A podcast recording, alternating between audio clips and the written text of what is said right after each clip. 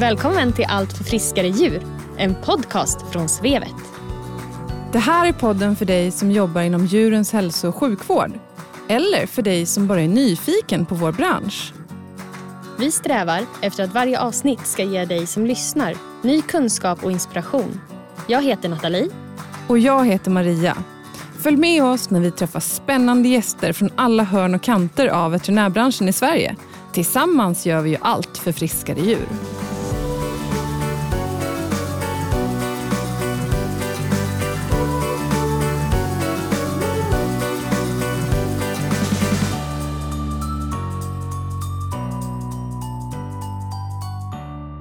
Maria! Tjena Nathalie! Vad kul att vi har ett nytt avsnitt idag. Ja, ändå en bit in i säsongen nu så att vi har ju um, fått lite, blivit lite varma i kläderna igen men det är alltid lika roligt tycker jag. Så är det. Och vi har ju en väldigt spännande gäst med oss idag som kan ganska mycket. Jättespännande, otroligt eh, bred kunskap. Vi har med oss eh, Louise Guevara som jobbar som eh, zoo-veterinär och klinikveterinär på Kolmårdens djurpark. Hon har varit i hela världen och eh, lärt sig massor och eh, har jättemycket spännande att berätta. Hej Louise! Välkommen till podden! Hej! Tack så jättemycket! Det är jätteroligt att vara här. Ja, vem är du? Eh, kan inte du berätta lite grann om din bakgrund? Jo, absolut. Eh, jag heter Louise som sagt och jag är uppväxt på en hästgård i Jämtland och Eh, min bakgrund för att bli, innan, innan jag blev veterinär så har jag liksom en ganska spretig och brokig bana jämfört med säkert många andra. Eh, precis som många andra hästtjejer så hade jag ju en dröm att bli veterinär som ung och utan att ha en minsta egentligen aning om vad veterinärerna gjorde förutom de här som kom ut och tittade på mina halta hästar. Eh, sen i tonåringen, tonår, tonårsåldern så började liksom intresset för häst att svalna och Eh, jag började se att det finns faktiskt en värld utanför det här och jag läste en språklinje på gymnasiet och stack sen ut och tog ett antal sabbatsår ute i världen. Någonting som jag är enormt glad för att jag gjorde. Eh, att komma ut i världen och lära känna sig själv, lära känna världen och komma ut ifrån sin egen lilla hästgårdsbubbla. Det var ju enormt nyttigt under de här åren. Eh, så jag gjorde lite alla möjliga olika typer av resor och från, från början var det ju backpacksresor och det var alla möjliga lantbruksarbeten i Spanien och det var gårdsar, eh, jordbruksutbyten i, Costa, eller i Thailand och, och lite allt möjligt. Men till slut så läste jag en kurs i tropisk ekologi i eh, Costa Rica. Och då var det som en inbromsning kan man, tänka, kan man säga, att jag på något sätt insåg att nej men fasen nu är det faktiskt dags att börja plugga, för det var en enorm fascination som väcktes där. När man såg den här, det var ju en biologisk fascination, det var absolut inte veterinärinriktat, utan det var så här, wow, vilken enorm mångfald det finns i de här skogarna. Man, man kan så lätt gå igenom en skog och inte se annat än, än bara träden, men det finns så otroligt mycket mer.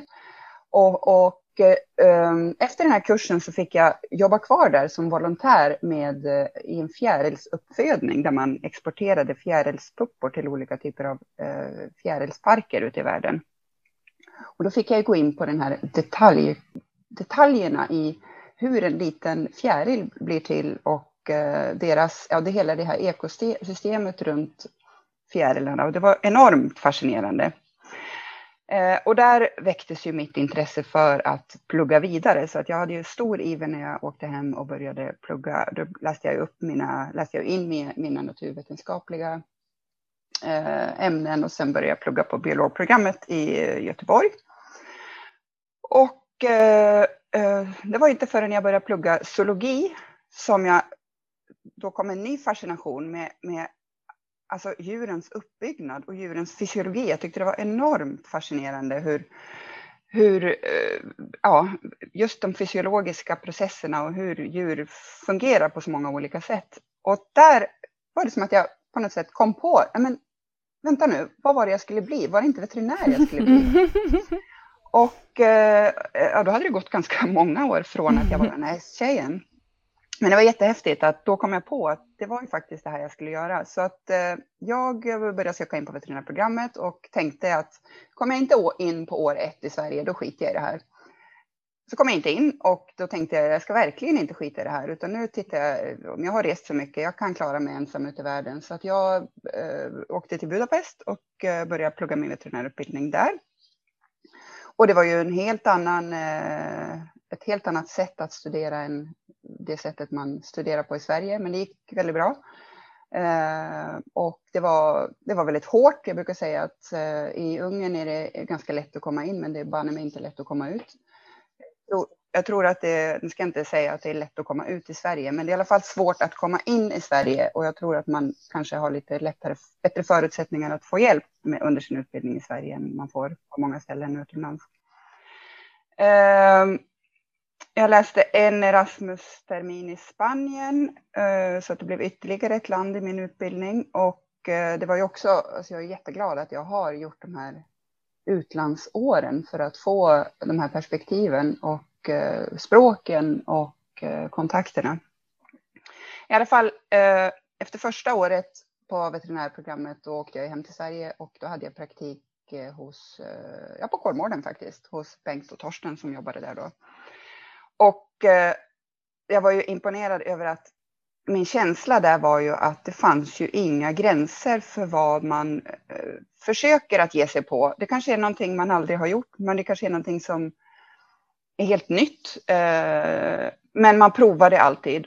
Och, och där skapades, det kanske var fel att ha det som första praktikplats, för det gjorde att jag trodde att det är så veterinärarbetet funkar. Mm -hmm. Vad man än äh, ställs inför så testar man. Ja, just det. Um, och sen så när jag började liksom jobba som vanlig veterinär så insåg jag att det är ju faktiskt inte alls så. Mm. Uh, utan många vill ju inte komma ur sin trygga bubbla eh, med det man är riktigt, riktigt bra på. Mm. Hur som helst, um, jag fortsatte min utbildning och efter fjärde året åkte jag till Sydafrika och var med på ett symposium som heter Symco som är för veterinärstudenter som vill jobba med vilda djur. Det var två veckors symposium. Och hade då också en praktik i, eh, på National Zoological Gardens i Pretoria efter det. Och eh, gjorde en immobiliseringskurs där och då var jag ju helt inställd på vad det är jag ville jobba med i, i framtiden. Så mitt exjobb eh, gjorde jag sen i Guatemala.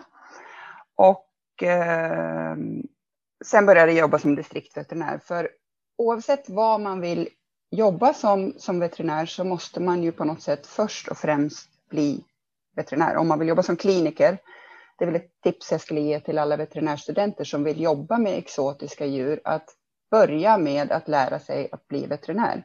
För oavsett vad man ska bli för kliniker så måste man först lära sig att bli kliniker och det gör man ju bäst på, på tamdjuren. Få många fall, få många patienter och lära sig handhavandet och så vidare.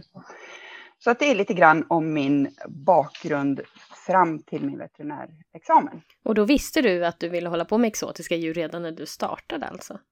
Ja, du var färdig det, det med den processen i huvudet? Ja, det, väx... det växte ju fram verkligen. Ja. Och sen kändes det som för det kändes ju som att det var, när man väl började jobba och jag började, jag jobbade fyra år som distriktsveterinär från början, då kändes det ju, då hade man ju en period där det kändes ganska omöjligt att hitta något sånt eh, jobb. För det mm. finns ju inte så många tjänster ute och det, det är många som vill ha de här tjänsterna och hur sjutton gör de? Och under de här fyra åren så fick jag två barn också eh, tillsammans med min man som jag för övrigt träffade där i Sydafrika och eh, tog med mig hem.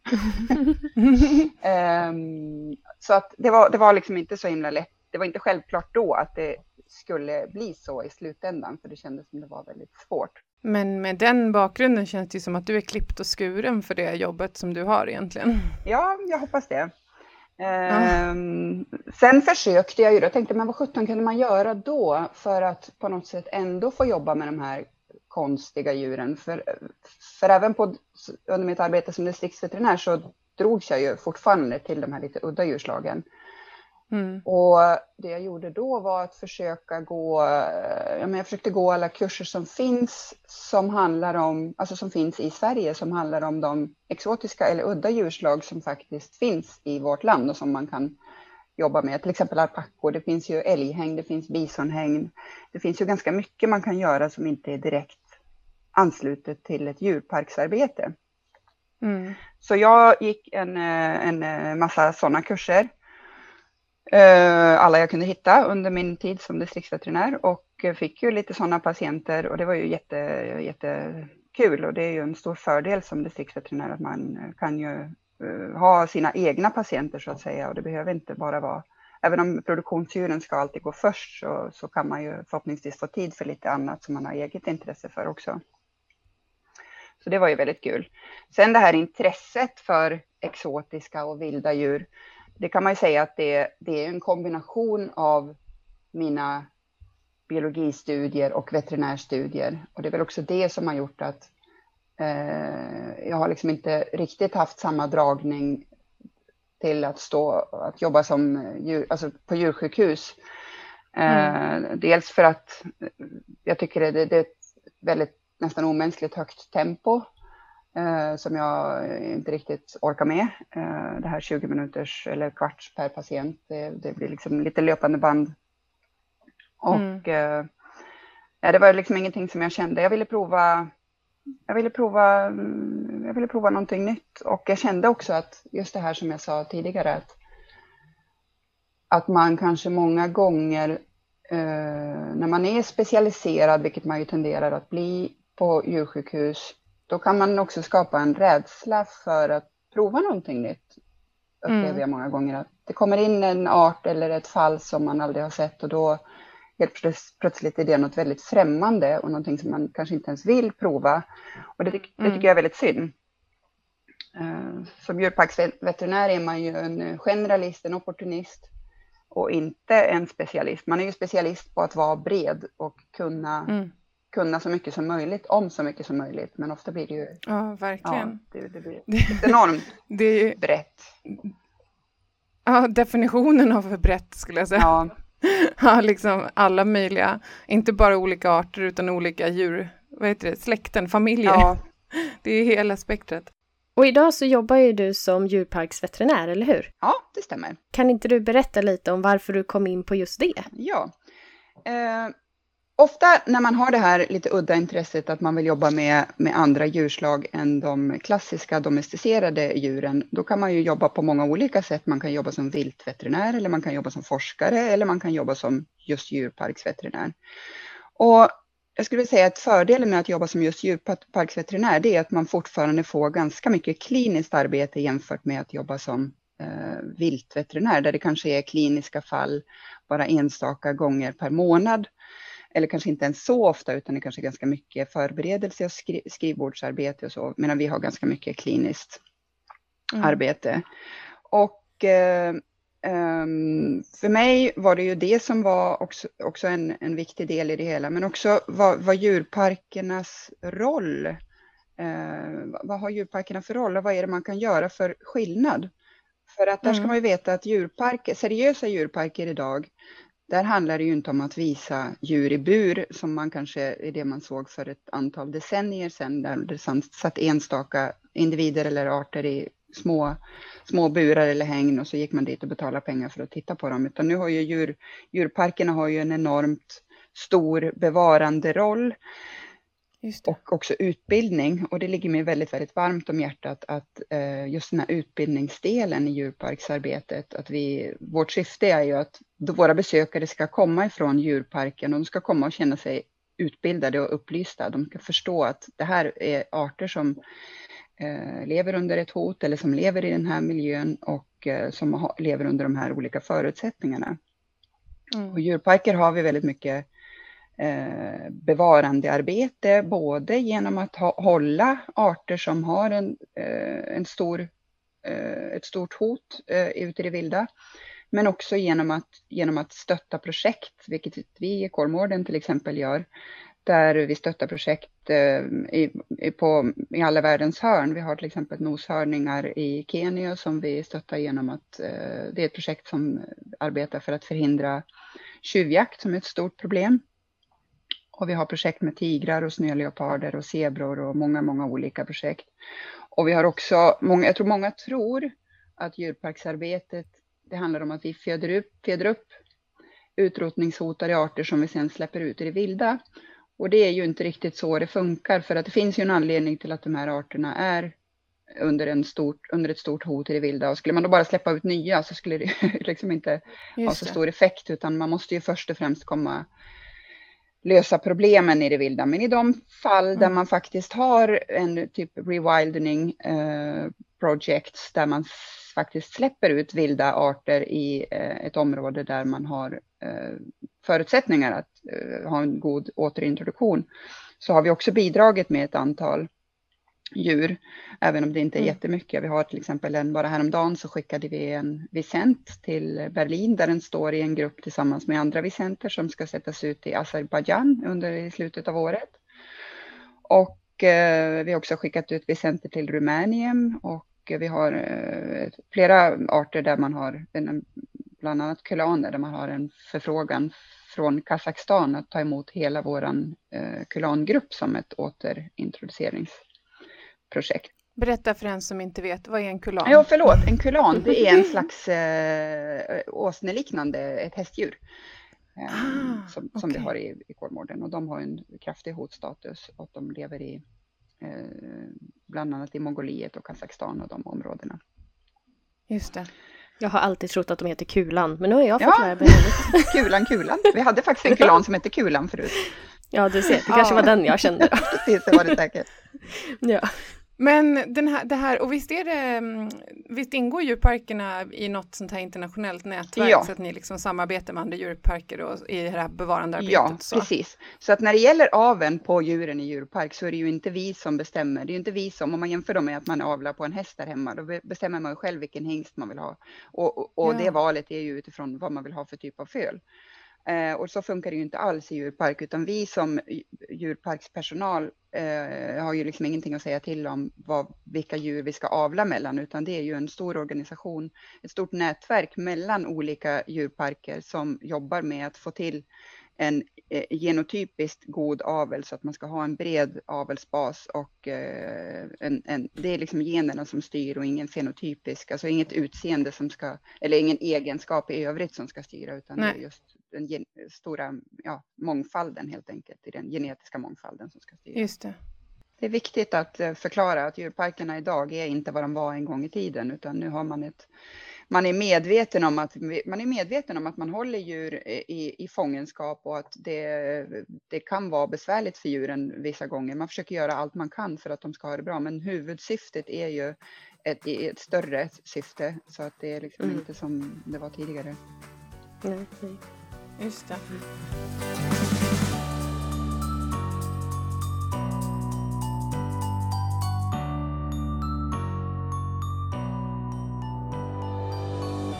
Men om man tänker på själva arbetet då som klinikveterinär, för det tror jag är på Kolmården, för mm. det tror jag att många är nyfikna på av våra lyssnare. Hur ser en vanlig dag ut? Finns det några vanliga dagar? Ja, jag skulle säga det. Det finns nästan ingen vanlig dag. Det kan vara att vi har planerat en vecka. Ofta försöker vi att planera, men ofta går ju våra planer helt i kras. Eh, mm. Men om man säger så här, vi är ju alltid, vi är ju tre veterinärer och en av oss är alltid inkopplad på beredskapstelefonen som är alltså den telefonen som eh, ja, våra djurvårdare ringer om det är någonting med våra djur. Så att det första vi gör på morgonen är ju att uppdatera de andra om det är så att det har uh, ringt in någonting och i sådana fall vad och om det är någonting som vi måste prioritera, om det är någonting som vi måste ta just då. För om det är så att vi har planerat in ett möte en dag men vi har ett kliniskt fall, då måste vi skjuta på det där mötet och ta det kliniska fallet beroende på vad det, ja, beroende på vad det är för fall givetvis. Så att mm. det, det, kliniska arbetet är alltid högst prio. Eh, vi har beredskap eh, dygnet runt kan man säga. Eh, och det delar vi ju upp emellan oss, men det är ju det är ju dagtid som det ringer eftersom det är då vi har personal i parken, men även helger då. Och eh, vi har ju extremt olika arbetstempo och väldigt olika arbetsuppgifter. Eh, ibland går vi igenom perioder där det är jätte, jättelugnt kliniskt och då försöker vi ju att ta oss an eh, den här pappershögen som ligger på våra skrivbord och försöka mm. gå igenom. Vi har ju, alla tre har ju intresse av att försöka eh, dela med oss av sådana saker som vi gör bra, även sådana saker som vi gör dåligt. Eh, det är ju ingenting som vi ska hemlighålla. Om vi gör någonting som vi känner det här blev verkligen inte bra, då behöver vi förmedla det till våra djurparkskollegor så att det inte ska kunna hända igen. Mm. Så att all sån kunskaps eh, inhämtning och kunskapsspridning är ju jätteviktigt, men det är sånt som hamnar i den här pappershögen och som vi får ta när det blir tid. Mm. Eh, och det är ofta inte förrän i efterhand som vi kan säga att det var en period där vi faktiskt hade tid. det, är Just det. det är jättesvårt att planera. Men ehm, ja, eh, sen ibland så har vi ju fall som är väldigt, väldigt omfattande som vi kan stå med i flera dagar och i flera veckor om det går riktigt illa. Och det är ju om vi har djur som är väldigt, väldigt sjuka eh, och som är kritiska och som har ett eh, väldigt högt individuellt värde, då gör vi ju allt vad vi kan och då jobbar vi dygnet runt med just de här fallen. Och då får man ju helt mm. enkelt bara ja, säga hej till sitt övriga liv under den perioden och hoppas mm. att man har familj som stöttar eh, mm. där hemma. Men det är inte så ofta vi har sånt arbete, men det händer. Eh, men annars vi försöker ha klinikmöten, korta klinikmöten tre dagar i veckan där vi går igenom vad vi ska göra och eh, det kliniska arbetet. Det kan ju vara allt ifrån att eh, ta hand om eh, träckprover för att se över vår eh, parasitbelastning eh, i parken eller i hägnen. Det kan vara rutinsövningar för till exempel klövverkning eller tandkoll eller Eh, eller också kan det vara eh, mindre allvarliga kliniska fall. Det kan vara någon hälta eller eh, någonting, någonting på något sjukt djur som vi behöver se över. Och allting är ju inte så himla dramatiskt. Mycket är ju ganska enkla saker. Mm.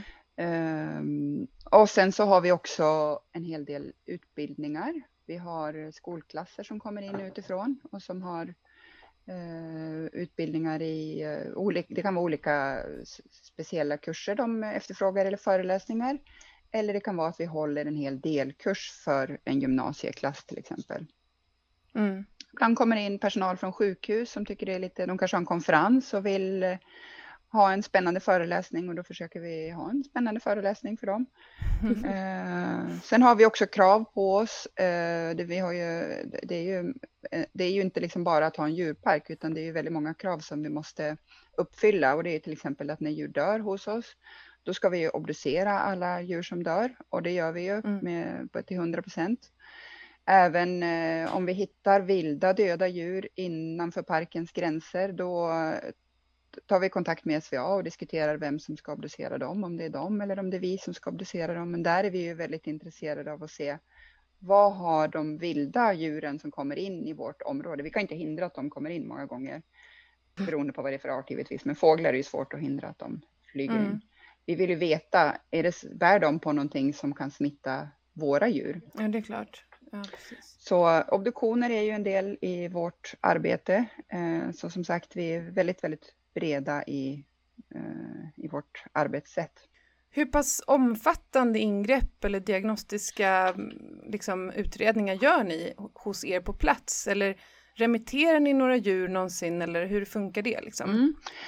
Eh, det här är ju väldigt, väldigt beroende på vilken, vilket djur det är. Eh, vissa djur, där kanske man ser, någon, ser att ja, men det är någonting som inte riktigt står rätt till här. Dels måste vi ta, ställ, ta hänsyn till vad är det här för djur? Vad går det här djuret i för grupp?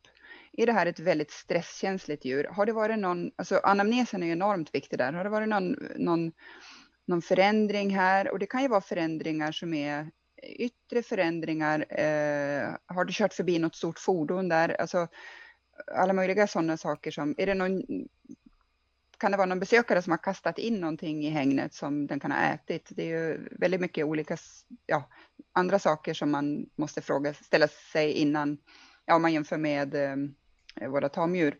Men det vi gör är ju att vi ska ju kunna eh, söva och provta de eh, flesta djur som vi har i parken och anledningen till att, det, att jag säger söva det är för att vi i de allra flesta fall måste söva djuren. För annars kommer vi ju inte åt dem. Eh, Nej, precis. Vi kan inte ta blodprov på så många arter eh, vaket, i vaket tillstånd, utan det måste vi mm. se vad de för och göra en undersökning också.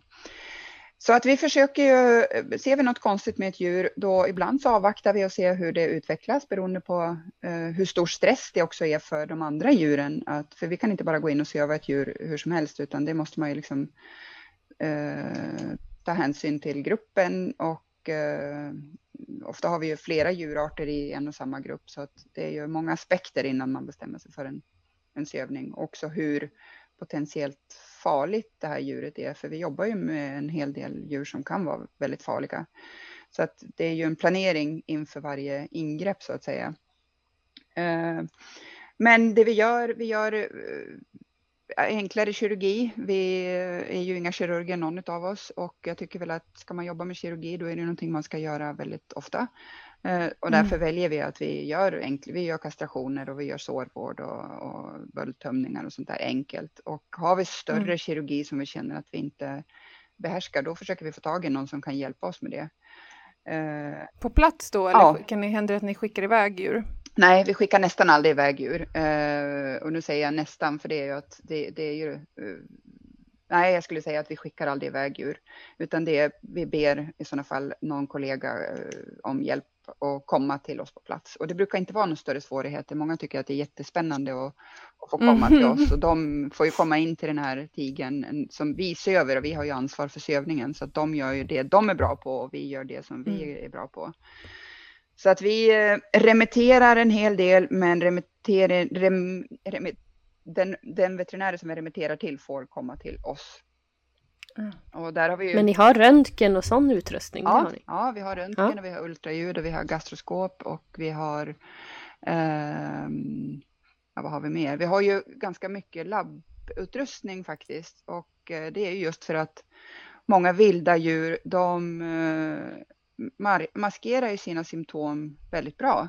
Så att de kan, se, mm. de kan vara ganska sjuka utan att visa det. Och det ska man komma ihåg att det är samma sak med djuren i det vilda. Att ofta när man ser ett djur som ser väldigt sjukt ut, då är det, då är det väldigt sjukt. Mm. Så att, att om vi skulle ta ett blodprov och skicka iväg det, eh, det kanske tar eh, tre dagar innan man får provsvar, då kan det vara så att djuret har avlidit, avlidit innan dess. Så Därför har mm. vi ju fått köpa in ganska bra, eh, alltså vi har ju så vi kan köra både hematologi och eh, blodkemier och eh, klinkemi och vi gör egna baktodlingar och cytologi och eh, all träckundersökning gör vi också själva med vissa undantag där vi behöver komplettera. Eller om det är djurarter som, ja, primaterna till exempel, de tittar vi inte på själva för det känner vi att det kan, det kan någon annan få göra. Mm. Men eh, Eh, så vi har ju ganska mycket diagnostisk utrustning på plats faktiskt, vilket är en jättefördel.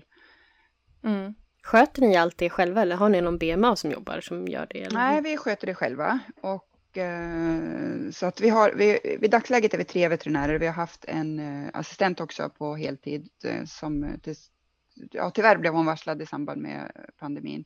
Så vi får se lite grann hur mm. vårt framtida arbetsteam kommer att se ut. Men det är klart att det är önskvärt att ha någon som kan ta hand om labbdelen. Eh, även om alla måste ju kunna det, för är vi inne på helgen, då har vi ju ingen, eh, då är vi ju inne ensamma, då måste vi kunna köra. Vi måste kunna, alla måste kunna göra alla, all diagnostisk utrustning. Eh, och vi måste också kunna göra i stort sett alla sövningar och provtagningar enskilt mm. också. Men eh, vi har ju inne till exempel Torbjörn Lundström är ju en av våra vanligaste eh, remittenter som kommer in och hjälper oss när vi har tandproblem. Eh, mm. Och senast hade vi en eh, tiger som vi har jobbat jätte, jätteintensivt med. Som han har hjälpt oss med eh, både rotfyllning och extraktioner av stora tänder. Så att det är vi ju väldigt tacksamma för att få hjälp med. Mm. Men också Inom reproduktion, så sent som i förrgår hade vi två tyskar hos oss från eh, Leipzig Institute of Zoo and Wildlife Research som eh, där vi tappade sperma från en, eh, en av ja, våra noshörningstjur och också en, ja, våran snöleopardshanne. Och snöleopardshannen det är i syfte att där har vi ingen reproduktion helt enkelt och vi vet inte riktigt varför. Så det är ju i i utredning, ja, fertilitetsutredning på om det är vem är felet, är det hans eller hennes eller är det omgivningen, för det kan det ju också vara. Mm. Och eh, den här noshörningen, den sperman ska förhoppningsvis bli en ny noshörningsbebis i, nere i Danmark. Så det är ju mm, jättespännande häftigt. att kunna eh, bidra med sådana saker. Och det är givetvis, där har vi ju inne, eh, det är ju ingenting som vi har varken utrustning eller kunskap eller den tekniska erfarenheten av. Så där måste vi alltid ta in. Men du sa någonting om eh, vissa djur är så värdefulla så då försöker man verkligen göra allt som står i en makt. Är det så att ni har djur som är liksom viktigare att eh, rädda eller liksom behandla? Det, det blir ju kanske, jag tänker det blir ju kanske en annan, eh, vad ska man säga, ett annat incitament att behandla eh, så mycket man kan ett djur som är otroligt värdefullt på grund av sin DNA-bevarande status. Eh, Medan i, i liksom hund, katt och häst, alltså så sällskapsdjursvården, där är det ju emotionella och ekonomiska eh, aspekter som liksom väger in i hur mycket man gör och, och vad som liksom... Precis. Så... Ja, du, nej, men du satte absolut huvudet på spiken där. Alltså det här med, med att det, visst, det låter kanske lite eh, elakt att våra djur har olika värden, men det är helt klart att de har olika värden. Eh, mm. Se också reproduktionstakten styr ju också. Jag menar, om en elefant som får eh, en unge var femte år ungefär eh, och, och där man har en väldigt hög utrotnings, eh, höga hot på de arterna och precis som du säger genetiken. Det är givetvis att de har en hög, ett högre eh, värde. Man lägger ner mycket, mycket mer arbetstimmar eh, också på, en, mm. på, på de djuren. Jämfört med, vi kanske har antiloper i en flock där man har, där det föds ungar hela tiden. Och har vi en sjuk unge som är väldigt, väldigt arbetskrävande, då man känner att det vi får ut eh, av, av alla de här arbetstimmarna är inte så jätte... Eh, liksom resultatet blir inte riktigt i, i, korrelation med den arbetsinsatsen som man gör jämfört med andra. Det, det, kan vara svårt att förklara, men, men du satte verkligen huvudet på spiken där när du sa att det, det, vi har liksom inte, det är inte det här äh, emotionella värdet, utan det är mer det genetiska värdet. Mm. Och ja, de har olika, eh, vi lägger ner olika eh, mycket krut på olika arter, olika individer helt klart. Och det är väl ett skäl så gott som något, jag menar att låta det styra snarare än det emotionella eller ekonomiska, det, ja. det är väl olika sidor av samma mynt så att säga. Ja. Alla, alla, alla, alla vad ska säga, behandlingar, det finns ju en gräns för vad, vad man gör ja. och den gränsen dras ju av olika skäl. Ja, precis, absolut. Och när vi ändå är inne på att prata lite om behandling så är vi lite nyfikna på hur det skiljer sig från hur vi behandlar sällskapsdjur och lantbruksdjur och hästar. Finns det några skillnader eller likheter på hur man behandlar mm. zoodjuren? Ja, absolut. Eh, om man tittar på likheterna först då. då har vi ju, alltså vi har ju inte, vi har ju inga egna, eller inte så många skulle jag säga, preparat som är egna för Eh, alltså läkemedel då, som är egna för sodjuren, Förutom sövningspreparat, där har vi vissa preparat som man inte använder till någonting annat än just sövning av vilda klövdjur framför allt. Och det är ju de här eh, starka opioidpreparaten som vi söver klövdjuren med. Eh, men annars så använder vi i stort sett samma NSAID-preparat och samma antibiotikapreparat som man använder till, till de domesticerade djuren. Med skillnad att ibland så behöver vi använda de humanpreparaten på grund av att koncentrationerna inte är anpassade till att ett lejon till exempel, du kan inte ge mm. ett preparat som är, doseras för en katt och då måste vi ta till humanpreparaten som har en betydligt högre koncentration. Mm, och sen är det ju också, vi har ju faktiskt djur som, vi, som liknar människor mer än andra djur och det är ju schimpanserna och gorillorna.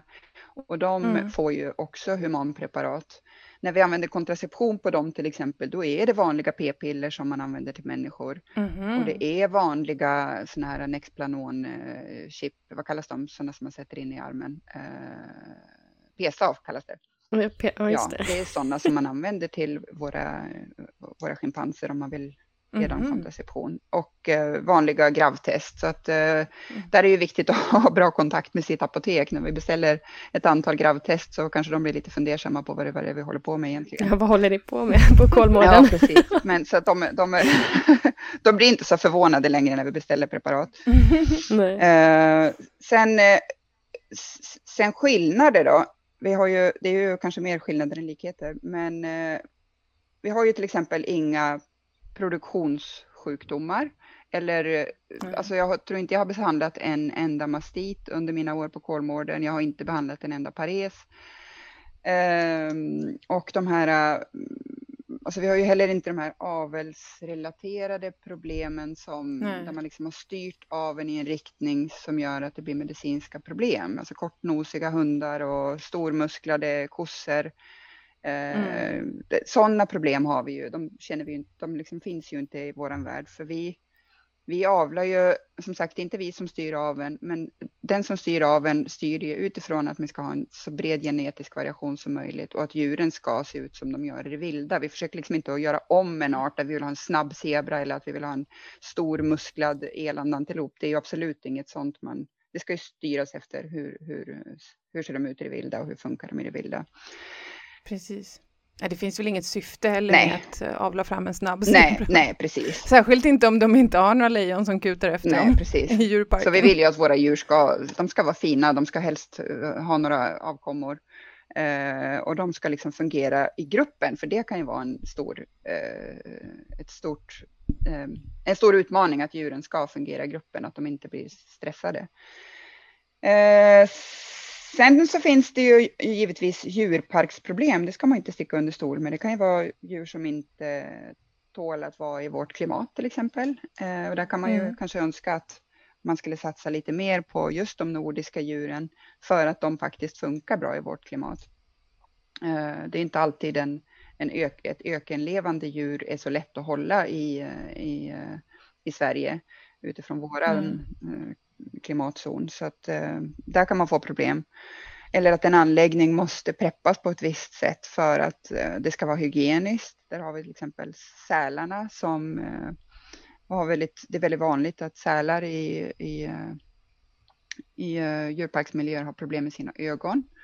Och det kan vara många olika anledningar till det, men det är ju mest troligt ett, ett, uh, ett djurparksproblem som man inte ser i det vilda. Och det är väldigt, det är sånt tycker jag är väldigt tråkigt att jobba med. Det är inget kul när man vet att det är faktiskt uh, den här anläggningen eller den här, den här förutsättningen som vi skapar som orsakar de här problemen. Det är ju mm. inte kul såklart.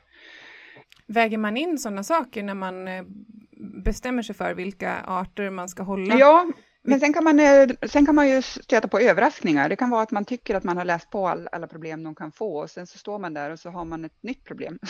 så, mm. För det är så mycket inom den här världen som inte finns dokumenterat och som kanske, kanske det kanske inte är någon som, det kanske ingen som vet om att det här problemet ens kan existera. Eh, och, det blir mycket learning by doing. Ja, ja precis. Vi hade till exempel en elefant för några år sedan med foderstrupsförstoppning. Det fanns ju ingenting i litteraturen om det. 17 löser man det? Nej. Det var ju verkligen rent så här hantverksarbete att försöka få lösa det där. Ja, eh. en eh, 12 meter lång sond ja. ner i... ja, nej, det var, det var ett enormt, det var ju typiskt en sån här eh, dygnet runt arbete under några dagar. Ja. Eh, Sen har vi ju... Hur gick det för Jo, men det gick bra. Vi lyckades lösa det till slut. Men ah. där var det ju liksom efter att vi hade provat allt som var så vetenskapligt beprövat för hästar med de här problemen så var det ju till slut Ja, men alltså, vi använde dammsugare, vi använde allting för att försöka få, få oj, ut det här och vi fick ut den. Och det var ett sår i esofagus och då tänkte man hade det här varit en häst så hade den aldrig överlevt. Men det är ingen Nej. häst. En elefant äter taggiga buskar eh, och eh, han klarar det här. Så att eh, wow. ja, det är ju helt fantastiskt. Så det är väldigt speciellt. Men det är ju eh, just det här med att överraskningar kan komma som man inte ens kan föreställa sig saker som kan hända positiva överraskningar också ja, då kanske? absolut. absolut. Det kan vara mycket positivt. Eller det är ju jättemycket positivt i det här arbetet. Ja. Det är därför vi gör det. Sen är det ju att vi eh, har, ja men vi har ju en del farliga preparat. Vi har farliga djur, så vi måste ju hela tiden tänka på säkerhet när vi arbetar. Mm. Ska vi söva ett eh, farligt eh, rovdjur så måste vi hela tiden tänka på vart är dörren ut, vart är rovdjuret och vart är jag? Vad gör jag om det mm. händer någonting? Så att sådana här utrymningsplaner måste vi ha hela tiden. Och det gäller ju även med ja, om ett djur skulle komma ut i parken, vad gör vi då? Mm. Mm. Och därför är det ju att vi måste kunna, en del i vår eh, kravbeskrivning är ju att vi måste kunna hantera skjutvapen och vi måste ha licens för skjutvapen så att vi kan använda det på ett säkert sätt eh, om vi måste. Mm. Så att det är ju såklart en stor skillnad på eh, mm. arbetet med tamdjur.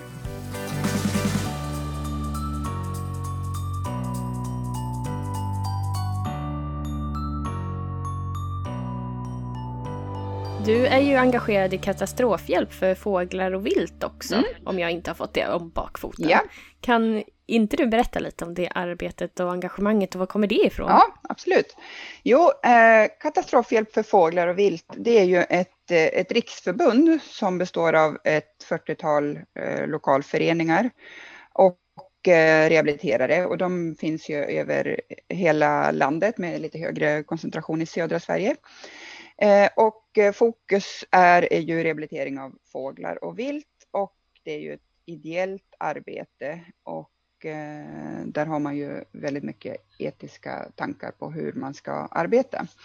Och var kommer det här ifrån? Jo, i Kolmården har man ju en lång tradition att försöka ta hand om skadade vilda djur eh, beroende mm. på omfattning på skadan och beroende på givetvis eh, prognosen och vad, vad de här djuren har för möjlighet att komma ut i det vilda. För att en grundprincip i rehabiliteringsarbetet det är ju att vilda djur som rehabiliteras, de ska kunna komma tillbaka till naturen. De ska vara fullt funktionsdugliga och eh, utan att utsättas för allt för mycket stress i samband med rehabiliteringen. Och det är ju en stor utmaning, men, men eh, under mina år på Kolmården har, har jag ju haft hand om tillsammans med mina kollegor eh, ett antal olika djurarter och Eh, en del kan man släppa ut vilda och i vissa fall så är det ju eh, avslutar, slutar det med avlivning. Och det är ju ett, ett, en bedömning som man ska helst försöka göra så tidigt som möjligt för de här djuren. Eh, men katastrofhjälp för fåglar och vilt, jag gick med i styrelsen där 2019 tror jag det var. Och nu har vi ju tyvärr haft ett ganska trögstartat första period för mig här eftersom eh, vi har den här mm. pandemin och eh, det har varit svårt att få till ehm, fysiska möten och kurser och så vidare så att det har varit mest digitalt. Ehm, mm. Men precis innan pandemin släppte så var jag i ehm, Texas på ett symposium för viltrehabiliterare i syfte att utbilda mig till att bli kurshållare för KFVs eh, kurser i framtiden. Och det är då eh, Kalle Hammarberg som önskar att dra sig lite grann tillbaka och gå i pension. Så att det är tanken att jag ska ta hans plats så småningom som kursledare för de här kurserna. Så det var ju... Är det kurser för allmänheten eller är det för veterinärer? Nej, det är för allmänheten eh, som, kan, ja. som kan lära sig att göra liksom en, en första bedömning på...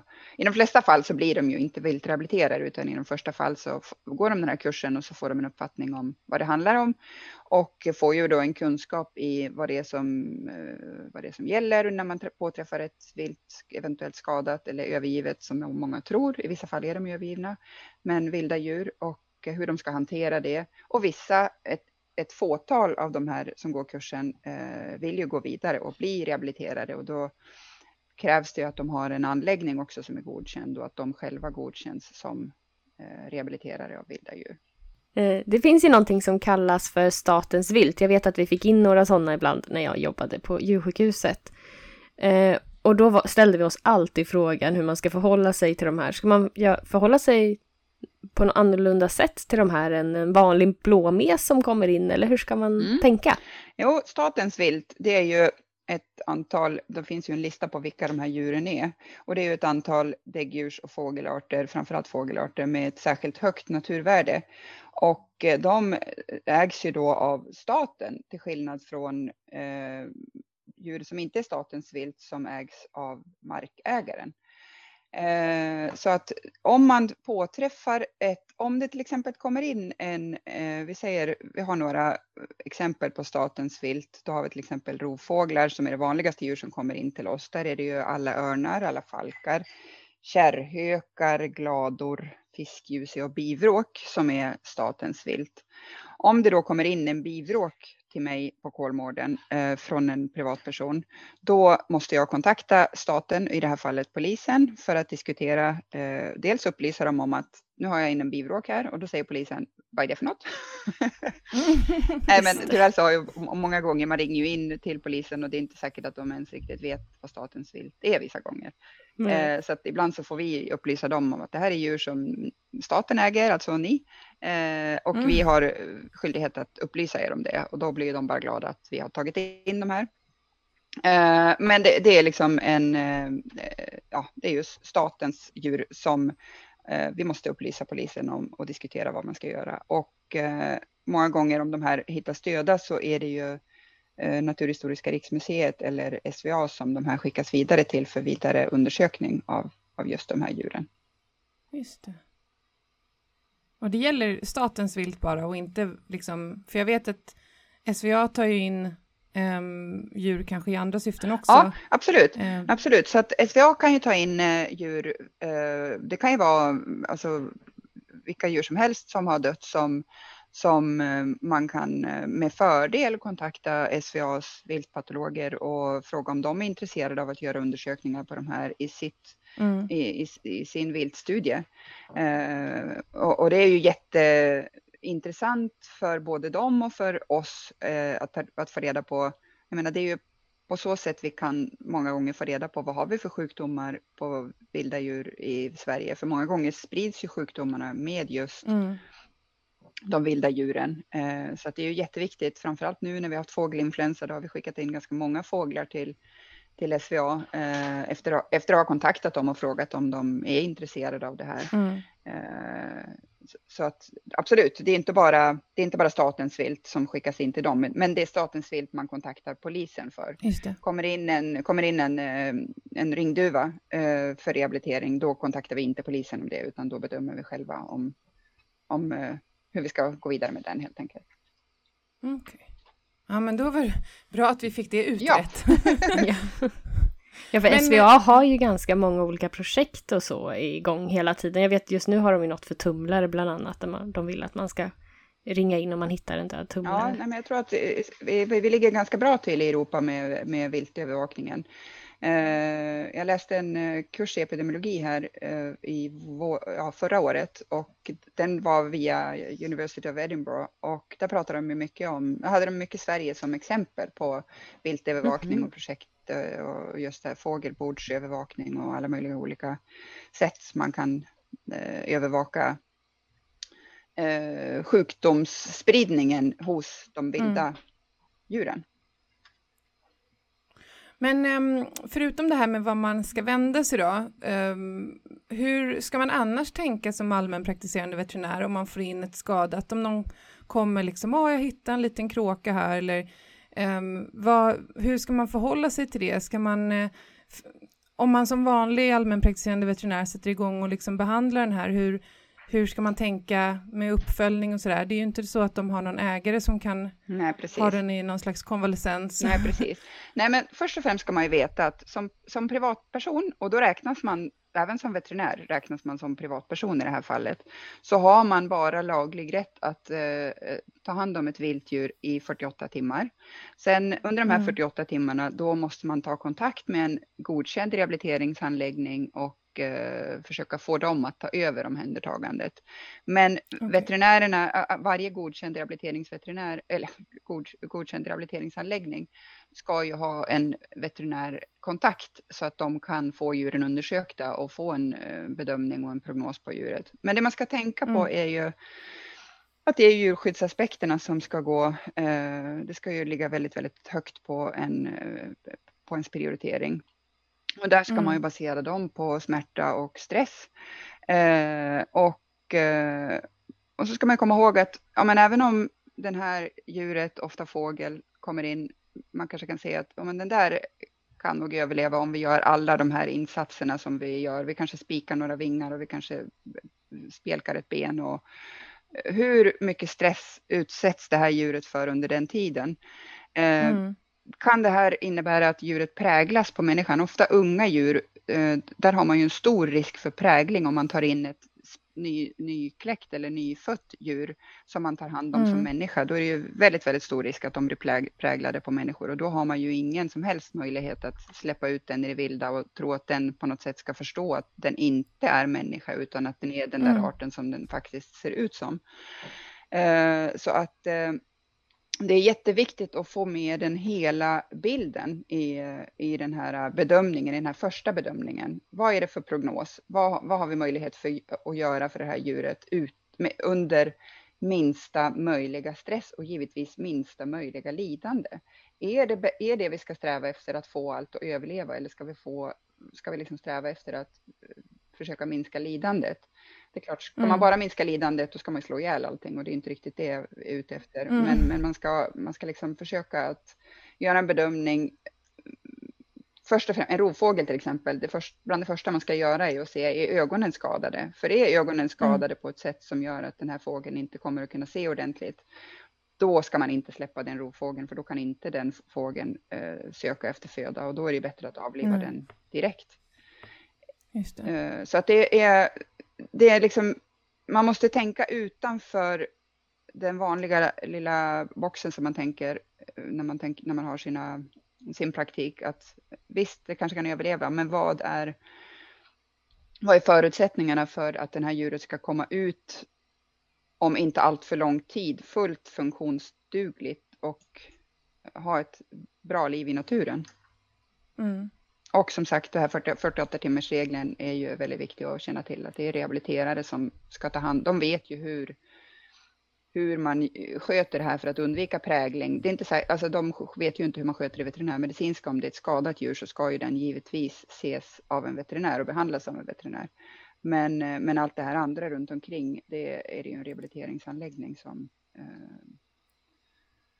som eh, är, har koll på. Och där gäller det att hitta en mm. rehabiliteringsanläggning som är nära. Man ska liksom inte flytta djur hela landet runt för att det finns en rehabiliteringsanläggning eh, ja, på ett annat ställe i, i, landet när det kanske finns något mm. i närheten. För även, även eh, transporten av djur är ju enormt stressfullt.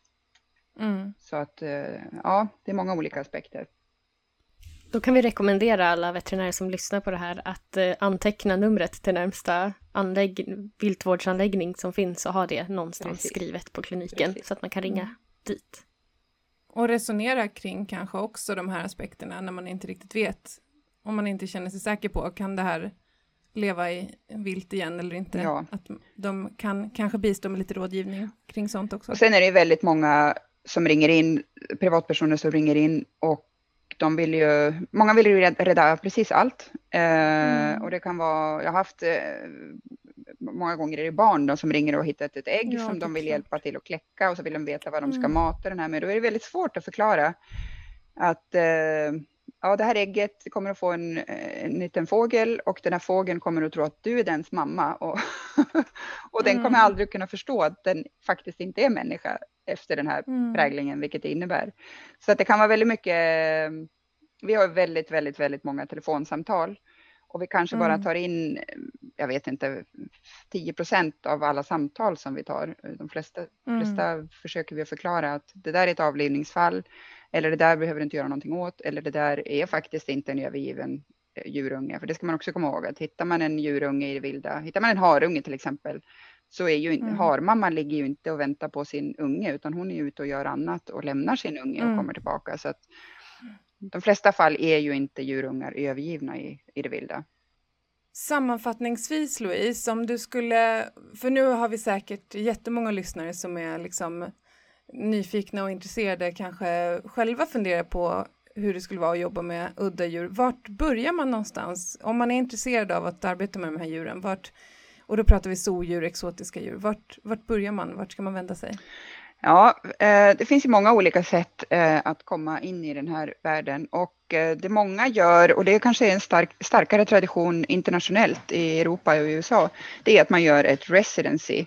Och mm. då får man söka på nätet helt enkelt vilka ställen i världen det är som håller residencies och Eh, det finns också olika typer av internships och sen så är det även här, precis som inom eh, ehm, häst och smådjur till exempel, så finns det också de här European College of, of eh, Veterinary Medicine som har diplomatutbildningar där man kan, där man kan verkligen utbilda sig och, och få en hög status som diplomat. Och då finns det en amerikansk diplomat eh, via American College of Zoological Medicine och så finns det en europeisk diplomat om man vill verkligen satsa högt.